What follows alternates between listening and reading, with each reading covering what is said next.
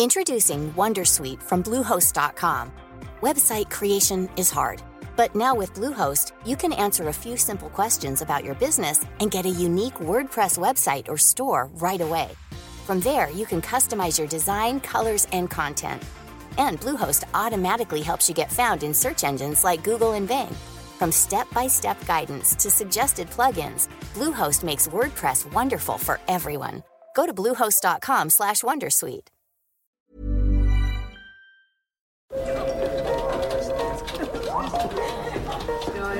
Dette er lyden av norsk næringsliv. Akkurat nå tas det små og store valg som kan bli avgjørende for fremtiden. Med økonomisystemet X-Leger tas disse beslutningene basert på informasjon i sanntid, slik at drømmer og ambisjoner kan bli virkelighet.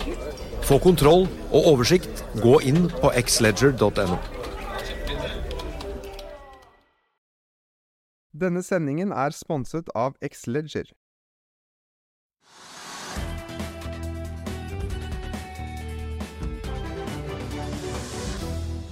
Til Økonominyhetene i dag, tirsdag. Vi begynner her hjemme, Trygve. Og akkurat i dag eh, så kan vi si at markedet falt i går. Kanskje noe mer enn ventet, og fortsetter ned i dag.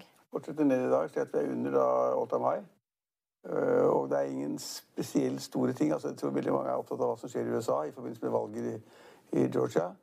Uh, så, og da, Det er det usikkerhet om. Det er sånn 50-50 i prognosene for, foran det valget. Så er folk litt opptatt av oljen. Det er vi også.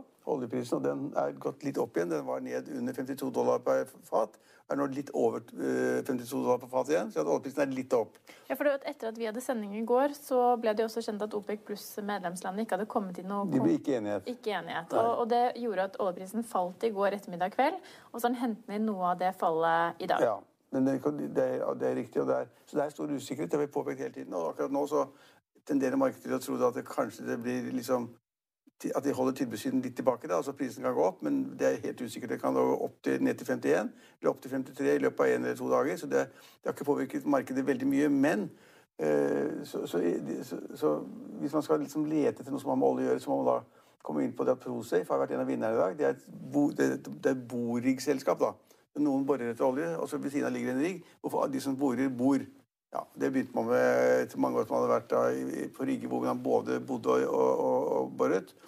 Og den har vært opp nesten 50 for de har, de har, det gått elendig. De har hatt masse uh, rigger i opplag. Resultatene har vært forferdelige. Og uh, så da har de fått en jobb et eller annet sted, som da angivelig skaffet penger en stund. Og da fordi at man er på et veldig lavt nivå, liksom nesten helt på bunn, så så det veldig flott ut da, aksjekursen gikk opp 50% Og nå har den da fått litt tilbake, og det jeg så på det sist, så var den opp 34% Ja, det stemmer omtrent med akkurat det jeg så for litt siden. Men dette er jo da en sånn kontrakt inngått i Trindad og Tobago. Og det er for den Safe Concordia, som skal da gjøre, som du sier, altså tilby bolig- og konstruksjonsstøtte da i, i det er iallfall inntekt. Hvor stor, ja. ja. Men hvor stor inntekten er, aner vi ikke. Men liksom markedet, det er, det er liksom, kursen har vært så langt nede. Sånn tilnærmet ned mot null. Og da er det klart det er fra ingenting til da, før aksjen stiger 50 vi har en annen aksje som også er solid opp i dag. Det er en aksje som ble notert i går. Huddlestock Fintech, et sånt selskap som tilbyr software til banker, kapitalforvaltere og andre som ja, driver med finansielle instrumenter. Nei, det forklarte det akkurat hva de driver med. ja. men, eh, men, andre dager på børs eh, på Euronext Growth så stiger 10% Så den eh, flyten av nye selskaper vi så inn i markedet i fjor, den fortsetter jo inn i det nye året. Og det ser også ut til at markedet tar like godt imot de selskapene ja, som nynoteres. Godt poeng. Altså, det kommer nye selskaper, og de prises ofte høyt, altfor høyt til å begynne med, på da, det nye markedet. Uh, så ja, Det vil komme sikkert mer der. og Det er masse som er i, i pipeline, som da tenker at nå må vi forte oss før markedene faller eller før det blir store endringer, og få priset selskapene våre til 100 millioner eller 500 millioner eller 1 milliard. Uh, og, og, så legger de kanskje ut en liten emisjon og får en liten prising av det, og så selger noen ut. Så, men det er et sånt sig i at man priser høyt, betaler for mye, sånn som Arne Fredelig sa til oss i, i romjula. Det, det betales altfor mye for mange, mange selskaper som ikke har verdier, ikke har inntjening. Og det, det, vil, komme, vil, komme, mer av. Det er jeg rimelig sikker på. Vi har også i dag også da, eh, selskaper som er i det tradisjonelle markedet. Vi Har, I shippingsektoren så har det vært en kjempeøkning for de skipene og de rederiene som driver med LNG-frakt. Uh, og vært, de, de, markedene har vært elendige, det har gått opp og ned hele tiden. Også, men nå har det skutt fart, fordi at prisen på LNG i verden jeg vet ikke helt hvorfor, men det brukes både til oppvarming og til industri og mye annet. Men når prisen på LNG har gått kraftig opp, så har også da ratene for å leie eh, LNG-skip, store gasskip, de har økt kraftig. fordi da blir liksom kostnadene ved selve frakten veldig liten i forhold til den verdien de har om bord. Så betaler rederne mer for å få tak i skip for å frakte denne dyre varen. Som da, de som da produserer LNG-gass, skal frakte til Kina eller Japan eller hvor det måtte være. Ja, så da har det fått et kjempeløft i de ratene. Så du til at tørrlastraten hadde lagt noe på seg i dag? når vi... Ja, men jeg, jeg, jeg, det er litt mer skummelt, syns jeg. Da, for hvis vi får tilbakeslag i økonomien verden over pga. koronaen, og det ser det ut til at vi får altså Det er jo krise i USA, det er krise i Frankrike, det er krise i Italia, det er krise i Danmark. Det er krise all over. Uh, Storbritannia er fullstendig lockdown, altså helt lockdown. Uh, så, så, at ikke det skal påvirke økonomien og få lavere vekst, det ser jeg som helt utenkelig. Og da skjønner jeg ikke helt hvorfor den store interessen for tørrlast i det hele tatt. Men spesialprodukter, sånn som da storgass, altså LNG, der er ratene liksom vært tidvis oppe i 200 000 dollar per dag. Og det har vært liksom nede i ingenting eh, bare noen måneder tilbake. Så der får vi et utslag i at de rederne som har vært ganske tålmodige, tapt masse penger. Når da prisene på det produktet de frakter, frakter, endrer seg veldig, så blir da kostnadene ved da å frakte veldig lav, relativt lav. Ja. Og nå nevner du Arne Fredli, så da kan vi kanskje komme inn på Da han var med på vår julesending, så lanserte han også Pareto Bank som en mulig oppkjøpskandidat. I dag kan vi lese i Finansavisen at eh, en Pareto Securities-analytiker ikke helt tror eh, på at eh, det vil skje med det første. At Pareto Bank så... skal selges, og han mener at styret ikke kommer men mest sannsynlig til å gjøre noe. Han kan ikke se for at de kommer til å gjøre noen strategiske endringer basert på noe som er en midlertidig endring. Da, da viser han selvfølgelig til denne midlertidige lovendringen, eller endringen i vilkårene for banker som driver med Jeg mener at norske banker er veldig altså, da, dårlig stilt i forhold til svenske banker. Egentlig burde man selge til Sverige for en høyere prisning av banken. Det er helt sikkert riktig resonnementet. Altså kostnader, kapitalkostnadene ved å drive i Sverige er mye lavere enn de kapitalkravene de, de setter i Norge. Men altså, han lanserte for lenge siden, det er et år siden, sånn at liksom, han gikk inn i Pareto Bank for at den banken skulle øke utbyttene kraftig. Ja. De skulle betale alt i utbytte. Ikke 50% eller 30 men de skulle bare ut alt sammen. Det var en idé. Og så har åpenbart ikke det gått så veldig godt. Og så uh, har han da sine folk i styret, tror jeg. Og så lanserer han tanken om at banken kan bli oppkjøpt eller solgt til Sverige, for da får kursen opp. Han driver et ganske litt sånn tøft spill, da. Ja. Men det er jo liksom slik at hvis du virkelig tror det, så går det ikke til å snakke så mye om det. Nei. Norwegian faller tilbake i dag, ned 9 Det har vært store bevegelser i aksjen den siste uken, men det er klart at det er jo Den er ned 8-9% så det er jo men det er jo en tradingaksje, og det ja. syns vi er bra. Vi, vi, som driver og kommenterer da finansmarkedene og aksje, aksjemarkedene, vi liker jo at det er store svingninger. Syns det er gøy. Og det at det er masse tradere i Norwegian, det er bra. En annen aksje som vi også har snakket veldig mye om den og tiden. Og SAS også ned, ikke så mye. 2-3 Saga Pure faller også tilbake. Vi snakket om den i går fordi den steg. Nå kommer det frem at eh, investor Kjetil Skårstad har solgt 1,5 millioner aksjer i tatt en profit. Det var nettopp det jeg skulle inn på. Er det, tror du, med tanke på at aksjen har gått 470 de siste tre månedene, kanskje ikke like mye Da skal man ta en profit. Skal man ikke ta en profit? jo, det skal man. Men lenge før, så egentlig burde han ikke vært med opp til så langt heller.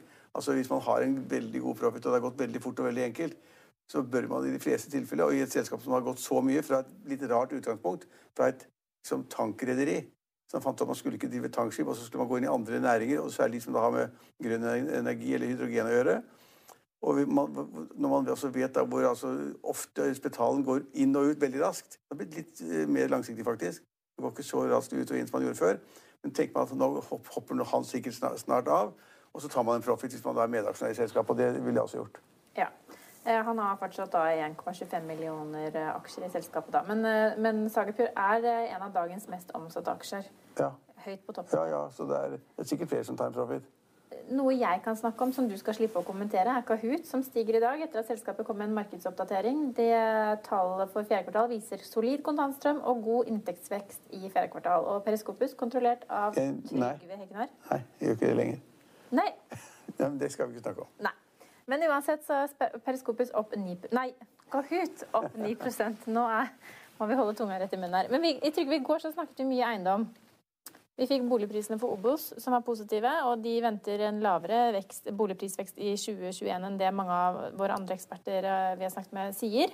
Men vi fikk også tall for Solon Eiendom og Selvåg Bolig, som la frem rekordtall for 2020.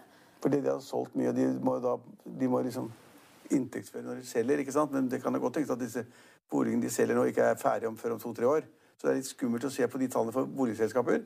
Fordi man vet liksom ikke helt hvordan liksom de produserer ting, og når de liksom offentliggjør kontrakter og hva de gjør. Og så har det vært veldig mye usikkert om Solon Eiendom før. De solgte til seg selv, de lagde egne selskaper hvor ledelsen og eierne var med. og så de, Da vet man ikke om de lagde kunstige priser, eller om det var underliggende kontrakter som gjorde at de som da kjøpte, kunne gå ut av kontrakten. Det har vært mer usikkerhet. Men nå kom de på banen og sa at det går kjempebra. Ja, Men øh, som du da er inne på, Solan Eiendom solgte for 3,1 milliarder i 2020. Selvåg solgte for 3,5 milliarder i 2020. Og så kommer Norder. Dette andre, dette andre boligselskapet hvor bl.a. Ivar Tollefsen er en av de største eierne, som har Bård Schumann som eh, direktør og medeier. De har solgt boliger for 9 milliarder, og Norders andel av dette salget utgjorde da 7,1 milliarder. Så da er de er større enn både Solon og Selvåg til sammen. Hvor, hvor er de bygget og solgt hen? Det er vel, slik jeg forsto det, to tredjedeler av det skjer i Sverige, ja. og en tredjedel i Norge. Ja. Det er vanskelig å følge med for oss. Men det er klart at det har jo vært et lukrativt år for boligutbyggere. Ja, altså, altså Prisen har gått veldig opp, og så har det vært eh, litt for liten tilbudsside. Så det, det har vært for, li, for lite i. I Oslo, vil jeg merke. Sverige kan jeg ikke noe av, men det har vært for lite i Oslo. Derfor har de som har solgt prosjekter eller leiligheter hva som heter i Oslo, også brukte, har jo gått kraftig opp. Og de fleste forventer jo da en veldig økning i bruktprisene også i år. Eh, så at de som har produsert masse nye boliger, prosjekter, enten i Norge eller Sverige, at de tjener penger nå, det er jeg rimelig sikker på. Og Hvordan tror du det vil utvikle seg inn i 2021? Nei, Jeg tror at jeg, jeg hører til dem som mener at boligprisene kommer til å utvikle seg i Oslo, vil jeg merke, ganske kraftig. Ikke nødvendigvis 26 eh, som det prisen gikk opp med i 2016. Eh, det får vi ikke igjen. Men at vi kan få boligpriser i Oslo som stiger 10-15-20% det tror jeg vi kan få. Og på landsbasis litt lavere, men der, i Oslo er det slik at nå husker jeg ikke nøyaktig tallene, men la oss si at det kommer 6000 nye innbyggere til Oslo eller husstander, så er det bygget 2000 boliger. Det er et misforhold mellom antall husstander Oslos vekst, altså Oslo-områdets vekst. Det kommer folk inn hele tiden, bosetter seg i Oslo-Oslo-området, og det bygges ikke nok boliger til det. Så skal jeg hoppe til dagens forside av Finansavisen. for Der kunne vi lese at en rekke finanskjendiser tok skattegrep i 2020. Trygve, var du en av dem? Nei, det var jeg ikke. Hvis jeg hadde vært så hadde jeg ikke fortalt det. Nei. Men, men, men, men, det er helt riktig det at det er en veldig interessant historie. for det, altså det, har noe å gjøre med liksom verdisettelsen på de eiendommer og det du eier. da, Formuesskatten. Og det er slik da at øh, Enten så skal da verdien da i selvangivelsen for 2020 skal fastsettes til 1. januar i år, eller da et år tilbake. 1. januar 2020, 1. 1. 2020 ikke da 1. januar 2021, sånn som nå.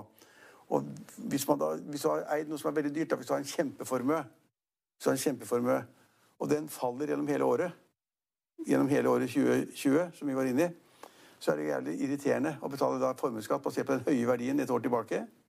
Det er ganske irriterende.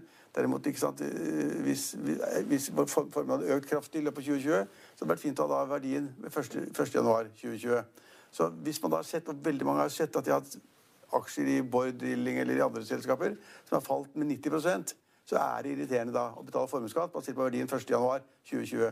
Og Da kan man unngå det ved å endre kapitalen i selskapet.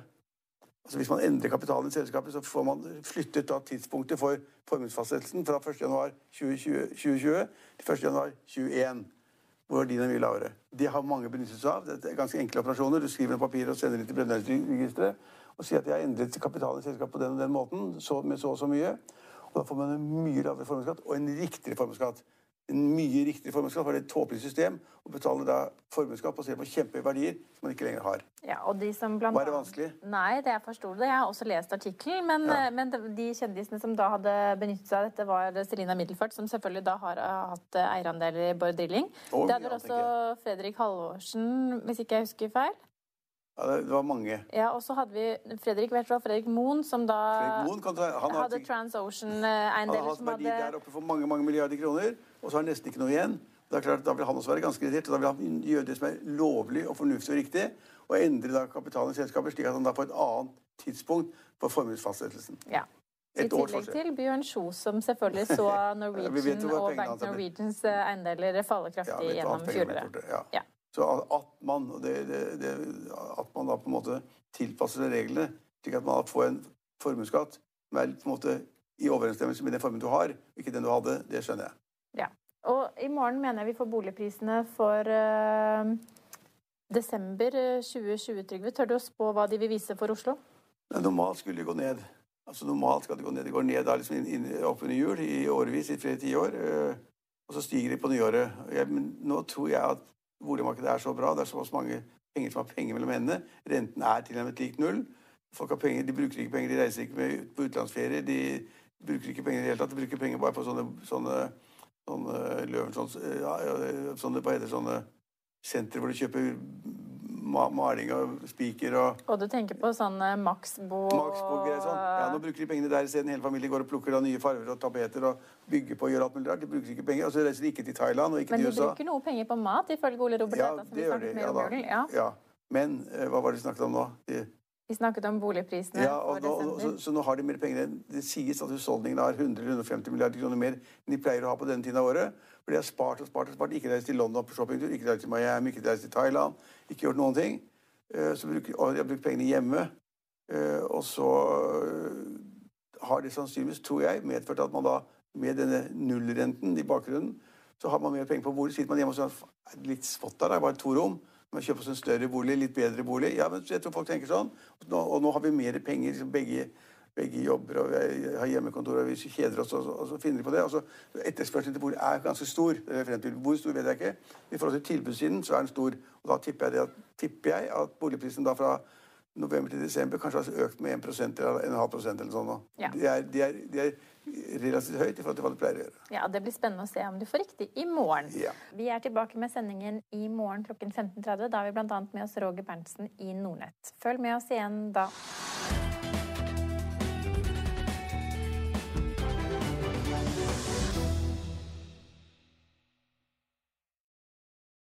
Denne sendingen er sponset av Xleger. Økonominyhetene er en podkast og videoproduksjon fra Finansavisen. Programleder er Marius Lorentzen. Aksjekommentator er Karl Johan Molnes. Produsent er Bashar Johar. Podkast- og videoansvarlig er Marius Mørk Larsen. Og ansvarlig redaktør er Trygve Hegnar.